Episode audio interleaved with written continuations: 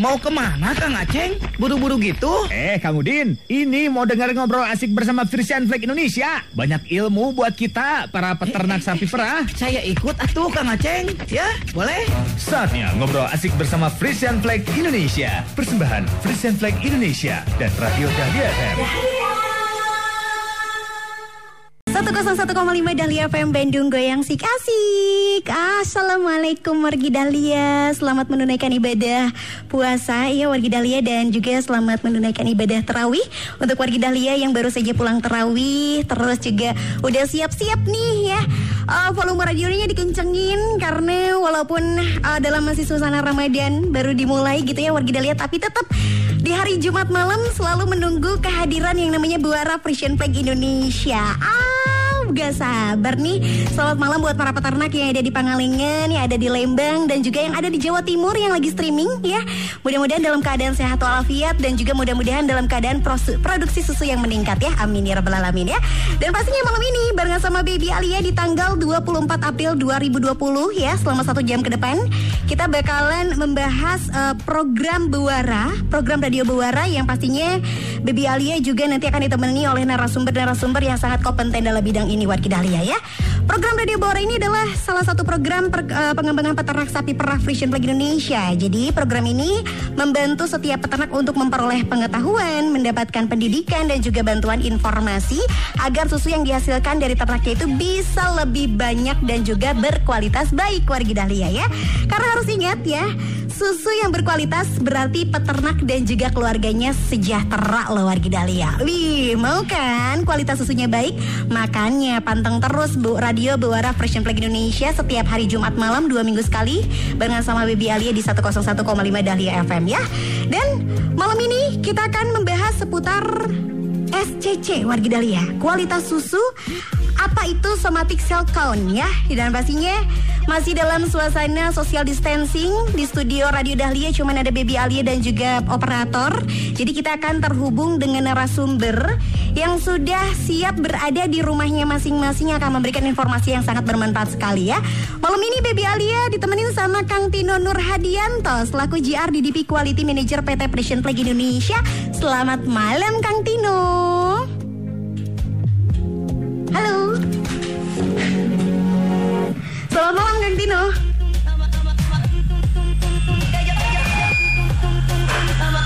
Halo, selamat malam. Oke, kita masih mencoba terhubung dengan Kang Tino ya wargi Dahlia sebentar ya.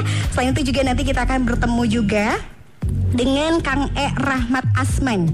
Ini juga selaku manajer produksi KPBS Pangalengan. Kita ngobrol dulu bang sama Kang Tino. Halo, selamat malam Kang Tino. Halo.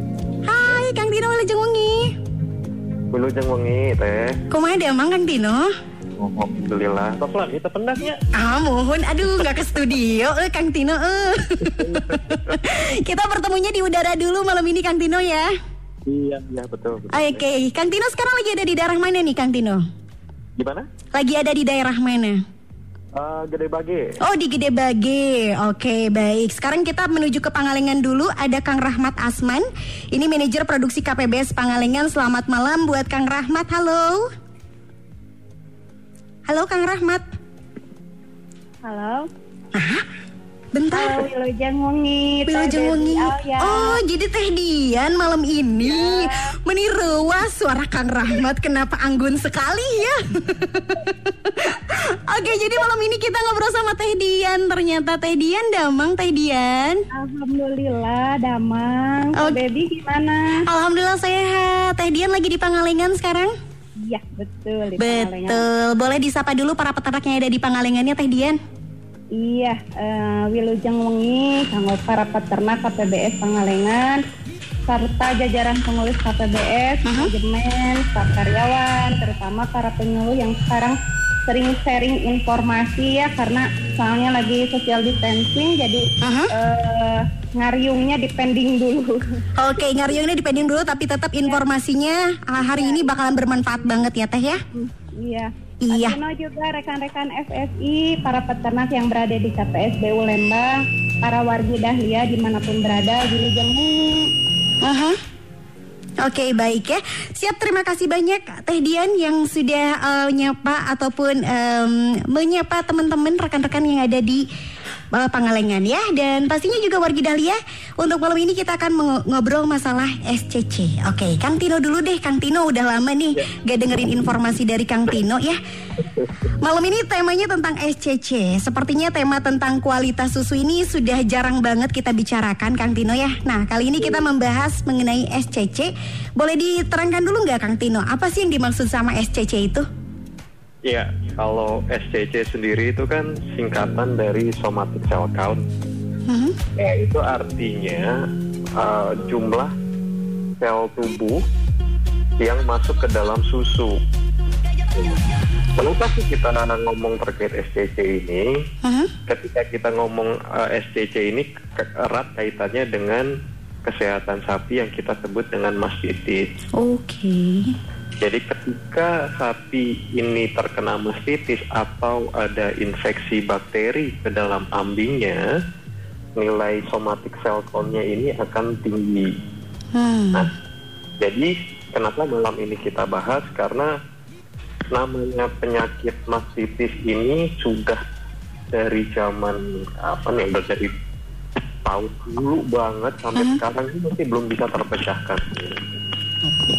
Oke, yes. Oh, kemudian dengan kita tahu SCC, ini kita bisa men, em, eh namanya melihat apakah sapi yang di kalangan peternak itu sehat atau sudah mulai ada gejala infeksi Hmm. seperti itu. Jadi ketika nilainya semakin tinggi, itu berarti gejala mastitisnya semakin parah. Sebagai gambaran, untuk sapi yang normal itu nilai SCC-nya tidak boleh lebih dari 400 ribu. Oke. Artinya tidak boleh ada lebih dari 400 ribu sel tubuh atau sel darah putih yang masuk ke dalam susu. Mhm. Jika berlebihan efeknya akan mastitis tadi. Iya, kalau berlebihan pada dasarnya, artinya tingkat infeksi mastitisnya semakin parah. Hmm. Sel darah putihnya akan semakin banyak menyerbu bakteri yang menginfeksi kan, logikanya seperti itu. Nah, efeknya yang jelas itu untuk para peternak adalah eh, sapinya jadi sakit. Ketika sakit ya jelas secara produktivitasnya tidak akan baik. Nah, kalau itu dibiarkan eh, gejala matinya eh, ambing itu akan sangat mungkin sekali terjadi. Oh, Artinya Oke. sapinya nggak bisa produksi susu lagi. Hmm, oke. Berarti SCC ini sangat berpengaruh sekali terhadap kesehatan dan juga produktivitas dari sapi itu sendiri ya, Kang ya. Oke, baik. Eh, Teh Dian, eh, boleh tahu nggak Baby Alia, kalau di Pangalengan sendiri apakah udah cukup familiar mengenai kualitas SCC ini? Atau sejauh mana mereka tahu mengenai SCC, Teh Dian? Iya, alhamdulillah untuk di para peternak terutama eh, di KPBS eh, sebenarnya sudah kami dengungkan mengenai eh, SCC dibantu juga dengan adanya eh, kerjasama dengan pihak FFI lewat Farmer to Farmer kemudian pilot farm group yang waktu itu diadakan pelatihan di MCP Warnasari Hmm? sehingga peternak dapat mengetahui tidak hanya sekedar sel somatic count akan tetapi eh, faktor penyebab dan akibatnya. Sehingga peternak eh, mungkin bisa mengetahui apakah sapinya memiliki nilai SCC yang tinggi atau rendah dengan peralatan atau cara yang sangat sederhana dan eh, juga upaya yang harus dilakukan jika ternyata sapinya memiliki nilai SCC yang tinggi atau terkena mastitis. Tentunya peternak juga harus segera menghubungi para medis atau dokter hewan kalau ternyata sapinya sudah terkena mastitis Hmm. gitu. Karena itu kan sangat merugikan untuk para peternak sendiri gitu. Akan tetapi mungkin kalau peternak yang sudah paham atau mengerti sekali mengenai SCC jumlahnya masih sedikit. Nah, Oke. mudah-mudahan mungkin dengan adanya radio Bewara atau mungkin tabloid Bewara ataupun Bewara leaflet yang biasanya dibagikan ke peternak mungkin itu bisa eh, lebih memberikan pemahamannya kepada para peternak untuk menerapkannya di kandang sehingga kualitas SCC di dalam susunya juga bisa lebih bagus sehingga para peternak juga bisa mendapatkan produksi susu yang lebih banyak Nah, Hmm. mungkin eh, meskipun merupakan hal yang baru ya eh, mengenai SCC ini, Mhm. eh, peternak mungkinlah baru sedikit lah yang mengerti gitu ya mengenai Iya. SCC. Tapi kita juga eh, selaku petugas, selaku peternak harus mau belajar lah hal-hal yang baru.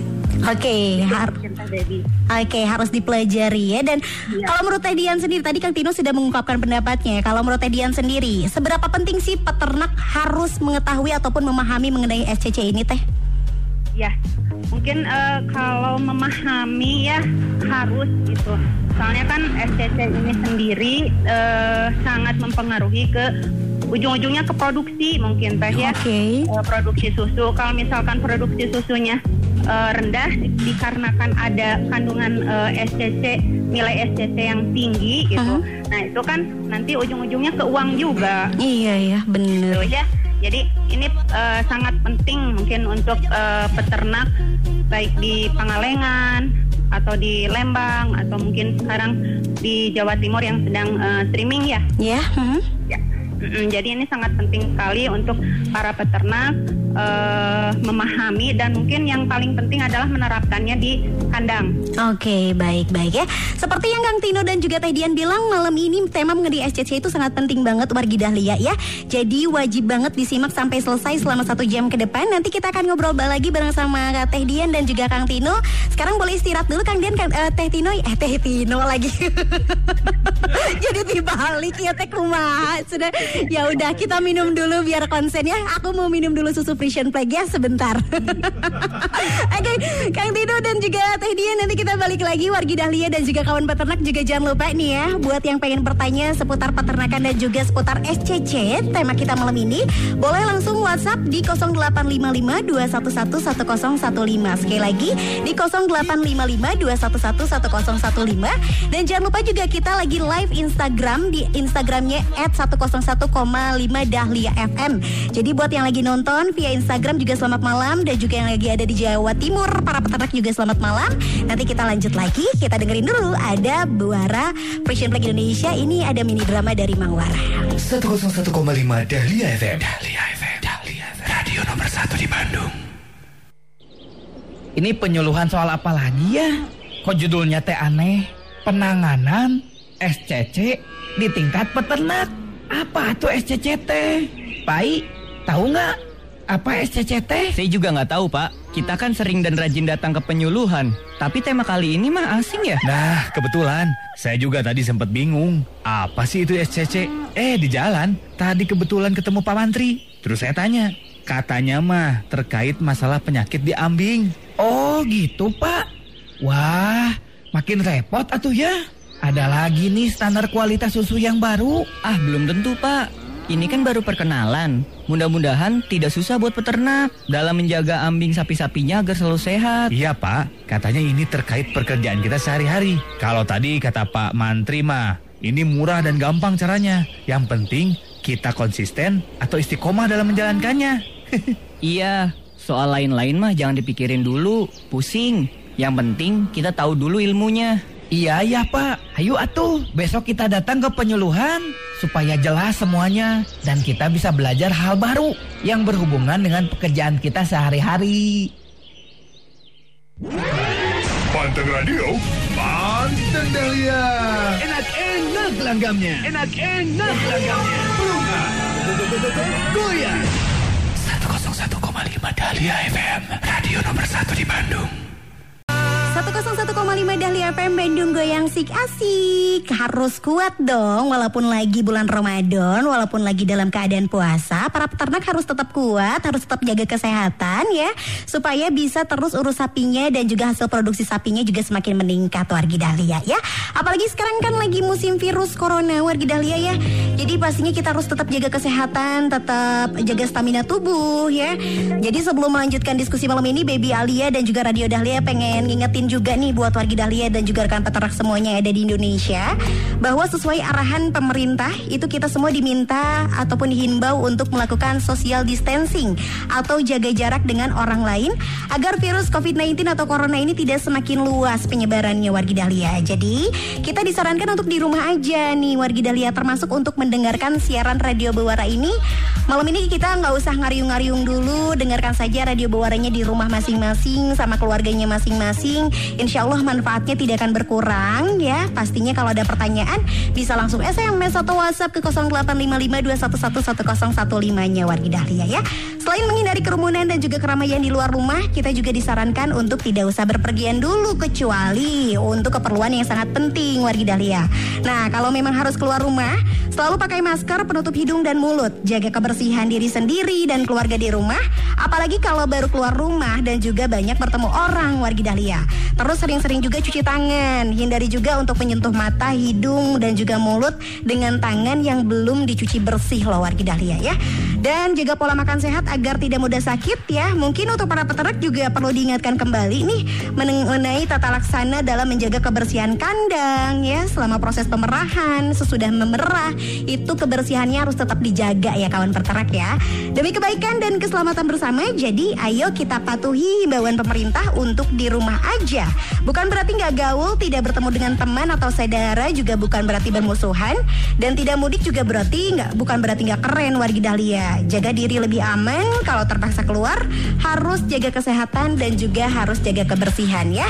Dan pastinya juga buat wargi Dahlia dan juga kawan peternak yang sambil diem di rumah aja, sambil kumpul sama keluarga, menikmati makan malamnya gitu ya, sambil SMS juga kasih pertanyaan seputar peternakan dan seputar tema kita malam ini ya mengenai SCC wargi Dahlia yang tadi sudah sekilas dipaparkan oleh Kang Tino dan juga Teh Dian. Sekarang kita lanjut lagi bahas seputar SCC. Ada Kang Tino dan juga Teh Dian yang masih terhubung sama kita. Selamat malam Kang Tino, Teh Dian. Oke, masih ada. Masih semangat ya? Masih dong ya. Oke, Kang Tino, seperti penjelasan Teh Dian tadi, katanya kalau peternak belum banyak yang ta- eh, apa? Kalau peternak di Pangalengan sendiri itu belum terlalu banyak yang tahu. Jadi seberapa penting sih tema kita untuk mengenai SCC ini seberapa penting untuk dibahas dan apa dampaknya kalau nilai SCC pada susu segar ternyata tinggi? Boleh dibahas lagi nggak Kang Tino? Ya, jadi kalau pengetahuan peternak terkait SPC memang saya rasa belum banyak yang tahu. Mhm. Karena kalau kita lihat daerah-daerah lain di Jawa itu masih banyak yang nggak tahu sama sekali apa sih itu SPC. Gitu. Padahal secara dampaknya tadi sudah dijelaskan oleh Tegian, yang paling kerasa adalah dari sisi ekonomi. Ya, Mhm. itu terkait dari berkurangnya produksi. Nah, pasti ada pertanyaan, berapa banyak sih susu yang hilang pada dasarnya ketika nilai SCT-nya tinggi?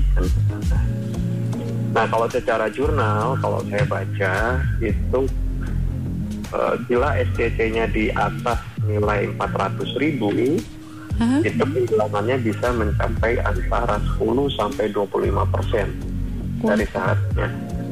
Nah, kalau misalkan sekarang rata-rata ada peternak yang ngomong, Pak, sapi saya itu produksinya masih bagus kok di 15 liter. Padahal kalau saya cek nilai SCC-nya, dia sudah menunjukkan gejala mastitis parah. Ya. Berarti sebenarnya peternak itu produksinya nggak 15, bisa jadi dia di 20 atau minimal di 18 liter gitu. Nah, bayangkan 3 sampai 5 liter susu itu tidak dia dapatkan per hari dari satu ekor. Ya. Kebayang kalau misalkan dalam satu tahun satu ekor ini kerugiannya sudah berapa ratus liter dan kalau itu Iya. dirupiahkan berapa juta Oh iya, sayang banget. baru dari satu sapi. Mhm. Kalau semakin banyak sapi di kandang jelas maka akan kerugiannya semakin besar. Kemudian yang kedua dari masalah penambahan jumlah populasi. Mhm. Ketika eh, nilai SCC-nya tinggi, kemudian dia ter dikategorikan sebagai mastitis parah, biasanya tingkat kesembuhannya itu tidak akan pernah 100%. Jadi artinya sapi itu tidak akan pernah sembuh eh, total Hmm, iya iya. dan kemungkinan dia akan kambuh lagi itu sangat besar.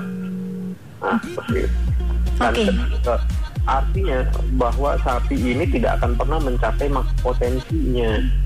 Dan biasanya ketika seperti itu peternak akan cenderung untuk menjual sapinya. Hmm. Nah, jadi cita-cita pengen punya sapi banyak ini kayaknya akan akan sulit dicapai oleh peternak karena dikit-dikit dia harus Jual. beli lagi yang baru, jual lagi, beli yang baru. Jadi sapi yang ada di kandang ya segitu-gitu, weh, nggak akan pernah bisa bertambah gitu. Mhm. Bukan untung malah buntung jadinya ya. Ya begitu. Oke, Tedian, kalau di lapangan sendiri nih, ngelihat para peternak sebetulnya apa sih biasanya hambatan yang biasa dihadapi terkait kualitas SCC? Terus eh, apa sih yang bisa dilakukan sama peternak supaya untuk bisa mencegah sebelum mengobati gitu? Tedian, boleh dipaparkan? Iya. Jadi kalau di hambatannya di lapangan mungkin ya dari segi ilmu pengetahuan para peternak, nah itu kan harus selalu diupdate. Petugas juga mungkinnya sama pengetahuan pengetahuannya juga harus selalu diupdate. Apalagi mengenai SCC kan baru ya untuk peternak gitu. Nah sehingga pola pola pikir kebiasaan-kebiasaan peternak itu bisa sedikit-sedikit berubah ke arah yang lebih baik gitu. Karena kan me- merubah pola pikir peternak itu yang paling susah ya. Iya. Kebiasaan-kebiasaan peternak tuh eh, kalau misalkan apalagi ini SCC baru gitu. Jadi kebiasaan-kebiasaan peternak itu memang agak susah kalau misalkan eh, nggak diupdate gitu. Ya Hmm. jadi sedikit-sedikit memang nggak nggak nggak bisa langsung sekaligus dirubah gitu. Jadi harus sedikit-sedikit diarahkan ke eh, yang lebih baik. Nah, Oke. Untuk biasanya pencegahannya? kalau ya biasanya kalau di lapangan itu kan peternak sebelum melakukan pemerahan biasanya sapi itu dimandikan dulu Hmm. gitu. Jadi sehingga badan sapinya itu basah, Iya. kandangnya juga basah gitu ya. Iya. Padahal seharusnya kan kandang itu harusnya kering gitu. Jadi pada saat eh, peternak melakukan pemerahan itu eh, keadaannya kondisinya itu harus eh, kering. Jadi ya upaya peternak untuk mencegah supaya dapat meminimalisir jumlah bakteri di kandang itu terutama pada saat akan melakukan pemerahan. Jadi Hmm. kondisinya itu harus kering gitu. Nah biasanya peternak malah dimandikan gitu. Jara ribruk jadinya ya, bakteri makin banyak ya. Identiknya itu bersih itu harus mandi tapi ya. Yes, betul ya. Iya, iya, iya. iya gitu. Itu eh, salah satunya. Kemudian selain itu peternak juga harus melakukan formil ya. Eh, eh, atau buangan perahan pertama pada kap khusus ya. Jadi supaya itu juga bisa sebagai kontrol penyakit ya. Jadi kelihatan apa si sapinya terken- sudah terkena mastitis atau belum gitu. Nah selain itu kontrol penyakit juga bisa dilakukan dengan menggunakan CMT. Apa itu? Nah, si CMT ini kalau misalkan si peternak nggak punya alatnya, bisa dilakukan ya tadi menggunakan kap khusus. Aha. Cairannya bisa digunakan eh, mungkin kalau nggak ada tipe adalah di dapur mungkin ya eh, sabun cuci yang cair yang warnanya hijau itu. Iya, iya. Tahu kan? Tahu nggak usah disebut mereknya ya. Oke, oke. Oke, berarti kebersihan harus sangat diperhatikan sekali untuk peternak untuk mencegah yang namanya peningkatan SCCI tersebut ya. Oke, Teh Dian, mohon maaf sebelumnya volume radionya boleh dikecilin sedikit Teh Dian supaya tidak ngahiung, ngableyung gitu ya. Oke, baik. Itu tadi penjelasan dari Kang Tino dan juga Teh Dian. Sekarang kita akan bacakan pertanyaan dulu beberapa pertanyaan yang sudah masuk via WhatsApp di 085521111015 ini dari para peternak ya. Ada siapa dulu nih? Yang pertama ada Kang Farhan, peternak di Trenggalek. Halo, selamat malam di Trenggalek ya. Mau tanya katanya. Di J- Jawa Timur. Ini di mana? Ya, dari Iya, Jawa Timur. dari Jawa Timur. Iya. Bagaimana cara pengobatan dan pencegahan ketika SCC-nya sudah tinggi, bahkan sudah terjadi mastitis katanya? Apakah suatu saat nanti angka SCC jadi hal yang sangat penting bagi industri susu? Dari Kang Tino terlebih dahulu mungkin yang mau menjawab silakan. Ya, kalau untuk pengobatan eh, saya nggak bisa terlalu dalam ya, karena juga ini ranahnya dokter hewan. Tapi yang pasti antibiotik sangat diperlukan. Ya, karena eh, kemudian dari sisi industri jelas eh, nilai SCC ini ada kaitannya nanti dengan produk yang dihasilkan. Gitu. Karena ketika nilai SCC-nya tinggi, biasanya akan disertai perubahan komposisi dari susunya entah itu lemak atau protein yang akan turun. Kemudian dari sisi rasa itu juga akan uh, berbeda dengan susu yang dihasilkan oleh sapi yang sehat pada tubuhnya. Oh, oke. Seperti itu biasanya rasanya akan akan lebih lebih asin ya karena ada Oh. aktivitas Mempengaruhi Iya, rasa juga ternyata ya tingkat SCC Ya, itu. Mhm. Terutama ini akan sangat berpengaruh terhadap industri-industri yang eh, menghasilkan seperti keju. Kayak misalkan Pangalengan ini menghasilkan keju mozzarella itu pengaruh sekali ketika nilai SCC-nya tinggi ya. Jadi si keju yang dihasilkan akan jauh lebih sedikit daripada eh, dari dari susu yang menggunakan eh, menggunakan susu dari sapi yang sehat. Oh, oke oke Lu- luar biasa loh. Ini sangat berpengaruh sangat sangat sekali untuk industri ya. Jadi kenapa ini sangat penting untuk diperhatikan agar SCC-nya tidak tinggi ya, Kang ya. Oke, kalau dari Teh Dian sendiri ada yang mau ditambahkan dari pertanyaan peternak barusan? Udah mungkin cukup itu yang apa mewakili dari jawaban Fatino.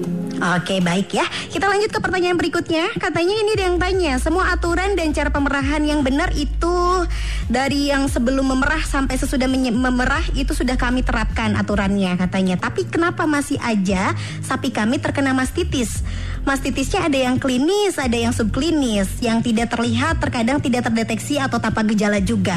Apa cara pencegahan dari awal untuk kami yang bisa dilakukan? Padahal semuanya sudah sesuai dengan prosedur pemerahan. Dari Pak Suryana di Bebek Babakan Kiara ya. Silakan dari Teh Dian terlebih dahulu. Ya, jadi mungkin kalau eh, kita urut dari awal, mungkin ya dari si peternaknya dulu, mungkin ya, mungkin kadang-kadang ada yang terlewat nih tangan kita ini untuk memerah apakah sudah bersih atau belum gitu. Nah itu tangan ini kan kalau misalkan kita nggak apa cuci tangan tapi nggak eh, nggak pakai sabun kan masih ada kumannya ya masih ada bakterinya gitu. Nah usahakan sebelum memerah kita cuci tangan dulu menggunakan sabun. Nah terkadang udah cuci tangan nih kita misalkannya menggunakan sabun tapi si eh, sapi masih terkena mastitis juga. Nah kadang-kadang ada eh, kebiasaan peternak yang nggak disadari Apa itu? waktu melakukan, melakukan pemerahan nih biasanya kan menggunakan vaselin ya kalau eh, bahasanya di peternak menggunakan vaselin atau pelitin untuk eh, melakukan pemerahan nah Mhm. biasanya si peternak suka memasukkan lagi air eh, apa tangan ke dalam air Oh iya iya Nah, gitu Teka aja gitu ya. tersa- nggak sadar gitu ya Nah, biasanya nggak disadari gitu. Mhm. Padahal dari si air tersebut biasanya suka masuk lagi tuh bakteri ke dalam lubang puting pada saat melakukan pemerahan. Biasanya itu yang eh, sering terjadi yang saya lihat di lapangan gitu. Kemudian eh, cara penyimpanan vaselinnya sendiri apakah sudah bersih atau eh, belum gitu. Itu kadang-kadang hal-hal yang sepele eh, yang mungkin terlewat oleh peternak gitu padahal itu dampaknya sangat eh, besar eh, untuk apa kesehatan sapinya gitu. Hmm, oke. Hal-hal kecil ternyata ya yang sering dilupakan dan walaupun kita merasa sudah bersih, katanya sudah sesuai aturan, tapi ternyata ada yang terlupakan sebetulnya ya. Oke, selanjutnya ada yang mau tanya juga. Eh, sebelumnya mau sapa dulu nih dari K- eh, KPSBU juga yang lagi pada panteng belum disapa, katanya selamat malam ya. Yang lagi live di Instagram juga, katanya sambil kirimin screenshotnya luar biasa loh. Terima kasih banyak untuk para peternak yang ada di KPSBU Lembang juga. Terus ada lagi siapa yang tanya ini mm, mau tanya, saya punya sapi yang mau kering kandang tapi terkena matis- mastitis. Itu baiknya gimana ya? Apa langsung aja pakai obat kering kandang atau nunggu dulu mastitisnya sembuh dulu? Katanya. Mohon solusinya dari Kang Dadang di Lembang. Kang Tino gimana nih kalau ada kasus seperti ini? Ya bagusnya langsung menggunakan obat kering kandang. Hmm. Karena obat kering kandang itu tujuannya untuk membunuh bakteri selama sapi itu tidak diperah sehingga proses recovery atau penyembuhan ambing selama dua bulan dia kering kandang itu akan lebih maksimal. Hmm. Gitu. Oke, Tapi baik. tetap kembali lagi dengan rekomendasi dokter hewan ya karena ini yang kita pakai adalah antibiotik yang tidak Iya. dijual sembarangan. Hmm, Oke, tetap harus dikonsultasikan ke dokter hewan ya. Siap. Eh, untuk pertanyaan selanjutnya, katanya dari Bapak Oman dari TPK Cilumber, mau nanya bedanya SCC sama TPC itu apa dan seberapa merugikannya SCC yang tinggi terhadap sapi perah katanya. Boleh dari Kang Tino terlebih dahulu mungkin. Silahkan nanti Teh Dian menambahkan. Ya, TPC dan SPC ini sebenarnya dua hal yang berbeda. Kalau TPC itu adalah eh, jumlah total bakteri yang masuk ke dalam susu. Mhm. Sementara kalau somatic cell count itu adalah sel tubuh atau yang biasa kita sebut sebagai sel darah putih lah kasarnya seperti itu Mhm. yang masuk ke dalam susu akibat adanya infeksi di dalam ambing. Nah, seperti itu. Hmm, oke. Tapi Ada banyak peternak yang mencoba mengkorelasikan. Kadang-kadang mereka bilang begini, Pak, SCC saya tinggi, Mhm. itu karena nilai SCC saya tinggi. Oke, disambung-sambungin ya. Biasanya kan soalnya mereka berpikirnya begini, ada bakteri yang masuk ke dalam ambing, pada saat Iya. dipra bakteri itu ikut keluar. Ya, bagi saya sih nggak bisa disalahkan 100% ya. Iya Tapi sih. memang korelasinya nggak seperti itu. Hmm. Kalau saya lihat gini, kalau nilai somatik selnya tinggi, kemudian nilai TPS-nya tinggi, berarti sebenarnya ini balik kepada perilaku peternaknya yang masih belum bersih. Hmm, Itu artinya. Oke, oke. Korelasinya biasanya di situ, di kebiasaan peternak yang belum bersih. Hmm, hubungannya dengan kebersihan peternak ya sama-sama Iya. SCC dan TPC itu ya. Teh Dian ada yang mau ditambahkan mengenai seberapa merugikan SCC yang tinggi katanya dari lapangan sendiri deh yang pernah disaksikan sendiri langsung sama Teh Dian. Ya, jadi kalau misalkan eh, peternak biasanya kan eh, misalkan produksi susunya tuh rendah pasti langsung nyalahinnya ke eh, pakan ya gitu. Iya. Misalkan rumputnya kurang gitu atau konsentratnya eh, kualitasnya rendah atau porsinya mungkin kurang gitu. Padahal eh, tidak disadari gitu eh, nilai SCC yang tinggi juga itu bisa eh, apa mempengaruhi ke jumlah produksi susu gitu. Jadi memang nggak nggak disadari berkurangnya eh, mungkin setengah liter dulu gitu ya setengah Oke. kilo dulu gitu. Nanti lama-lama hilangnya besar gitu. Kalau misalkan si sapinya eh, apa sudah terkena mastitis yang eh, klinis gitu. Hmm, oke. Jadi peternak pasti eh, nggak menyadari gitu. Padahal kalau nilai SCC-nya tinggi, pasti ke produksinya juga dia akan eh, mengalami penurunan. Gitu. Biasanya kalau si peternak susunya turun, pasti yang disalahin pertama kali itu si pakan. Gitu. Padahal ada hubungannya juga sih dengan eh, nilai SCC. Oke baik ya. Tadi berhubungan dengan pakan ini juga satu pertanyaan lagi deh ada yang nanya juga eh, katanya dari Teh Neni di Baru Negeri Lembang. Mau tanya nih kalau tadi kan selalu membahas katanya kalau SCC tinggi itu disebabkan oleh eh, lantai basah, perlakuan eh, kebersihan yang kurang tepat. Apakah dari pakan konsentrat dan pakan tambahan lainnya itu juga bisa mempengaruhi ke SCC juga? Katanya Teh Dian dari Teh Neni. Pertanyaannya silakan dijawab. Iya. Jadi kalau misalkan pakan eh, konsentrat ataupun rumput tidak mempengaruhi ya. Cuman kalau misalkan kita mau mencegah mencegah supaya itu tidak terkena eh, mastitis atau apa nilai SCC-nya tinggi. Nah, jadi setelah eh, pemerahan usahakan eh, selalu disediakan pakan di depan eh, sapinya gitu. Jadi si sapi nggak langsung rebahan gitu. Jadi setelah pemerahan dilakukan celup puting, nah si sapi kan ngunyah nih karena di depannya ada pakan. Jadi eh, pada saat si sapi sedang mengunyah itu lubang putingnya bisa eh, ya sepersekian menit mungkin eh, nutup gitu. Baru eh, kalau misalkan si sapinya udah kenyang baru si sapinya rebahan dan putingnya udah eh, tertutup kembali gitu. Jadi eh, kita bisa meminimalisir bakteri masuk ke dalam lubang puting. Gitu. Oke, baik. Terima kasih banyak ya untuk jawaban-jawabannya dari Kang Tino dan juga Teh Dian. Nanti kita akan kembali lagi Wargi Dahlia ya pastinya masih membahas seputar eh, nilai SCC ya dan pastinya Wargi Dahlia dan juga kawan peternak yang mau ikutan kuis juga boleh nanti ya. Setelah ini kita akan buka line telepon untuk kuis di 73028 Wargi Dahlia ya. Akan ada hadiah menarik dan spesial dari Persian Indonesia. Jadi jangan ke mana-mana, pantang terus di Bawara Persian Flag Indonesia barengan sama Baby Alia sampai jam 9 malam nanti. Oh Dahlia Ayo kita goyang sama-sama Dengan langgam-langgam yang juara. Semua orang pasti pantengnya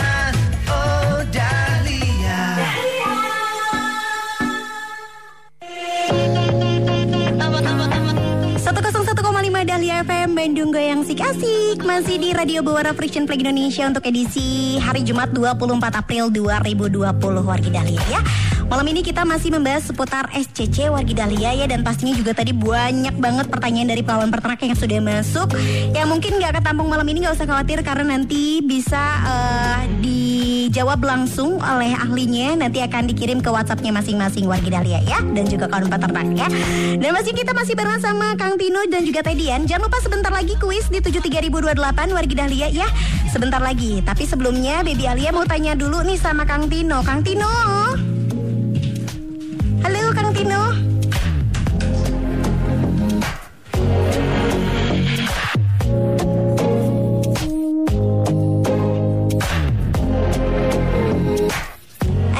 Dan pastinya sekali lagi untuk kuis cuman di 73028 Wargi Dahlia teleponnya ya. Kalau Wargi Dahlia pengen ikutan kuis, hanya telepon ke 73028 ya. Kita lagi mencoba menghubungkan ke Kang Tino. Kalau ini antusias untuk eh, mengikuti kuis banyak sekali Wargi Dahlia ya. Boleh deh kuis aja aku angkat dulu deh ya sebelum nanti ngobrol sama Kang Tino ya. Ada siapa coba di 73028 ya? Halo. Halo, Buara Operation Preg Indonesia. Dewa Fashion Tech Indonesia. Asik atuh. Asik atuh prung ah go go go ya. Sama siapa di mana ganteng? Sama Tribun pas di Calengka. Ah, Kang Teddy apa kabar nih? Alhamdulillah baik. Alhamdulillah. Udah pantengin dari tadi dong ya. Ya pantengin lebih dari seperempat jam. Oleh luar biasa. Siap atau sama pertanyaannya adalah apa dampak jika nilai SCC pada susu sapi segar ternyata tinggi? Dampaknya apa tadi udah dijelasin sama Kang Tino? Eh, dampaknya eh, si hasil susunya jadi sedikit Uh-huh. karena eh, fasilitas kayak kandangnya itu kan eh, kayak basah, kayak Uh-huh. sapinya mau dimandiin dulu kalau mau diperah. Pokoknya kan kalau mau bagus tuh harus eh, kering. Hmm, oke. Eh, Selain itu nantinya sapinya bakalan punya penyakit apa? eh, penyakitnya kayak penyakit kayak eh, Kayak apa? Bukan, bukan. Jadi kalau SCC-nya tinggi nanti eh, sapinya sakit. Sakitnya A jadi mastitis atau B mastotos atau D ma- mastono. Yang A. Oke baik. Tadi Bonbas selamat ya. Alhamdulillah. Oke baik. Panteng radio. Siap sami-sami panteng radio. Tetap panteng Dahlia Dahlia wa lawan Nah. Sarana. Prung ah go go go ya. Siapa tuh kamu kumaha nya semangat teuing cenanya. Oke satu penelpon lagi. Oh ya se- eh, sekaligus kita udah terhubung sama Kang Tino. Belum? Oke, kita masih menghubungi Kang Tino juga dan sekarang kita angkat ya penelpon satu lagi. Halo, Buara Fashion Flag Indonesia. Halo. Buara Fashion Flag Indonesia. Apanya Mas Roti gimana teh? Asik atuh. Asik atuh. Burung ah. Prung ah go go go ya. Sama siapa di mana, baby? Sama Ian di Arsa Manik teh. Ian, Kang Ian. Ya. Udah dengerin dari tadi dong, udah panteng dari tadi ya. Pas iya, pas ngeliat dari Instagram ya lagi siaran langsung pas kebuka. ah, Siap. teh. Boleh Baru dika- puas taraweh teh. Oh alhamdulillah siap. Boleh dikasih tahu nggak sama Baby Alia apa sih dampak kalau nilai SCC pada susu sapi segar ternyata tinggi? Eh, apa eh, itu kan bisa mempengaruhi eh, apa itu lupa lagi. Kualitas susu. Kualitas susu. Eh, eh, terus apa lagi? Sapinya Sapinya ber- berarti eh, hepatitis atau apa ya? hepatitis mah lain tuh namanya sapi hepatitis mastitis ya. Oke, sapinya nanti mastitis. Iya. Iya, udah ada lagi? Udah. Udah segitu aja. Iya. Oke baik, selamat ya dapetin hadiah dari Precision Plague ya. Iya. Bilang makasih dulu dong sama Precision Plague. Gimana teh? Bilang makasih dulu sama Precision Plague. Makasih present Flex. Siap, makasih banyak Ya. Kang Ganteng ya Panteng Radio. Panteng Dahlia, Prung ah go go goyang. Oke baik, sudah dua penelpon ya Selamat masing-masing memenangkan hadiah ya Yang pastinya dari Precision Plague Indonesia Wargi Dahlia ya Dan Wargi Dahlia yang masih pengen telepon nanti minggu depan Masih ada Bewara Precision Plague Indonesia minggu depan ya Sekarang kita masih terhubung lagi dengan Kang Tino dan juga Teh Dian Kang Tino Halo Kang Tino Halo. Halo, Oke oke baik baik sudah. Oke Kang Tino boleh de- dua pertanyaan terakhir nih boleh dijelaskan nggak ya eh, kepada para peternak sebetulnya apa aja sih faktor-faktor penyebab SCC dan yang terpenting apa yang harus dilakukan peternak agar nilai SCC-nya itu tidak tinggi Kang Tino? Ya, ada beberapa yang terkait masalah kebiasaan. Itu usahakan semua kandang perawatan pangan dalam kondisi kering dan bersih. Kemudian yang kedua terkait sapi kering kandang. Jadi ketika sapi sudah bunting 7 bulan, jangan dipaksakan terus sampai umur 9 bulan sampai sampai stop. Itu waktu sapinya untuk pulih kembali. Jadi nanti pada saat lahir nilai SPP-nya akan baik kembali. Hmm. Yang, yang ketiga, ini ada kaitannya dengan pertanyaan yang tadi dari peternak yang WhatsApp teh ini. Baik pakan itu juga kalau bisa harus yang baik. Jadi supaya sapinya punya kekebalan tubuh yang bagus gitu. Jadi kondisi sapinya dalam kondisi yang prima karena makanannya baik dan bergizi. Aha. Kalau makanannya kurang dan tidak bergizi, otomatis badannya akan lemah. Jadi ketika ada infeksi, sapi nggak akan bisa melawan. Sama kayak orang aja sih. Oke oke oke. Jadi makanan juga penting untuk diperhatikan ya. Kalau manusia mah sekarang mah penting untuk memperhatikan makanan supaya imun tubuhnya tetap terjaga gitu ya. Agar terhindar dari bakteri-bakteri dan virus nah ya. Oke kalau dari Teh Dian sendiri Teh Dian, Dian. Ya, halo. Iya, Teh Dian boleh dikasih kesimpulan nggak apa yang bisa diambil dari obrolan kita malam ini dan apa yang ingin disampaikan para kepada para peternak mengenai tema kita malam ini? Iya, jadi kesimpulannya mungkin ya untuk para peternak, memang kalau eh, SCC eh, masih terdengar eh, belum familiar ya di eh, untuk sebagian besar peternak. Cuman tidak ada salahnya karena ini penting, sangat penting gitu ya karena eh, mengingat mungkin susu itu apalagi sekarang kan sangat dibutuhkan ya untuk eh, percepatan penyembuhan penyakit ya apalagi sekarang kan musim eh, virus gitu ya. Jadi eh, susu ini sangat penting. Jadi mungkin dari eh, hulunya sendiri, dari peternaknya sendiri, eh, kebersihan di peternakan itu harus sangat diperhatikan sehingga eh, sapi bisa menghasilkan susu yang eh, kualitasnya lebih baik, produksinya lebih tinggi gitu. Jadi eh, para peternak harus eh, siap mungkin ya, harus lebih paham mengenai eh, apa eh, apa itu SCC, penyebabnya apa saja dan yang terpenting mungkin eh, aplikasinya di peternakan gitu, di, di kandang sendiri gitu. Oke baik, kalau dari Kang Tino terakhir yang mau disampaikan kepada kawan peternak mengenai tema kita malam ini apa Kang? ya lelah untuk bertanya kepada teman-teman penyuluh dan dokter hewan terkait tindakan-tindakan apa saja yang harus dilakukan di kandang agar nilai SCP-nya rendah. Itu aja sih. Oke baik dan mudah-mudahan peternak kita semakin paham dan juga mengerti ya eh, untuk bisa menghasilkan produksi susu yang berkualitas ya Kang ya dan juga Teh Dian terima kasih banyak ya untuk malam ini ya. Sama-sama. Mhm, selamat ber- menunaikan ibadah puasa dan juga selamat beristirahat Kang Tino dan juga Teh Dian. Iya, nuhun. terima kasih. Hatur nuhun. Mhm, baik. Sahur. Iya, iya. Pokoknya tetap terus semangat walaupun stay at home walaupun di rumah aja dan tetap semangat juga untuk memberikan eh, pengetahuan-pengetahuan yang terbaik untuk kawan peternak ya. Iya. Oke, baik selamat malam Kang Tino Teh Dian. Ya, Selamat malam. Oke, baik itu dia tadi Wargi Dahlia obrolan bersama dengan Kang Tino dan juga Teh Dian mengenai SCC Wargi Dahlia ya. Dan pastinya semua hal yang disampaikan oleh narasumber ini telah dilakukan oleh banyak peternak dengan hasil yang baik. Jadi tinggal bagaimana peternak Indonesia berani dan mau mencoba dan lakukan perubahan secara bertahap Wargi Dahlia ya. Karena pastinya Wargi Dahlia dan juga kaum peternak pengen kan susunya berkualitas baik, makanya terus digali pengetahuannya, terus dengarkan radio buaranya dan tunggu kehadiran Radio Buara di tanggal 8 Mei 2020 nanti ya. Semoga pembahasan kita kali ini dapat diserap dan juga bermanfaat untuk kawan peternak dan jangan lupa juga ajakin peternak lainnya untuk ikut mendengarkan Radio Buara dan buat wargi Dahlia dan kawan peternak ya, eh, Radio Buara juga selain itu juga bisa dapetin informasi dari tabloid Buara juga yang disediakan di koperasi terdekat. Jadi semakin banyak mendengar Radio Buara dan juga membaca tabloid Buara, maka peternak kita juga akan semakin cerdas dan juga cer- sejahtera.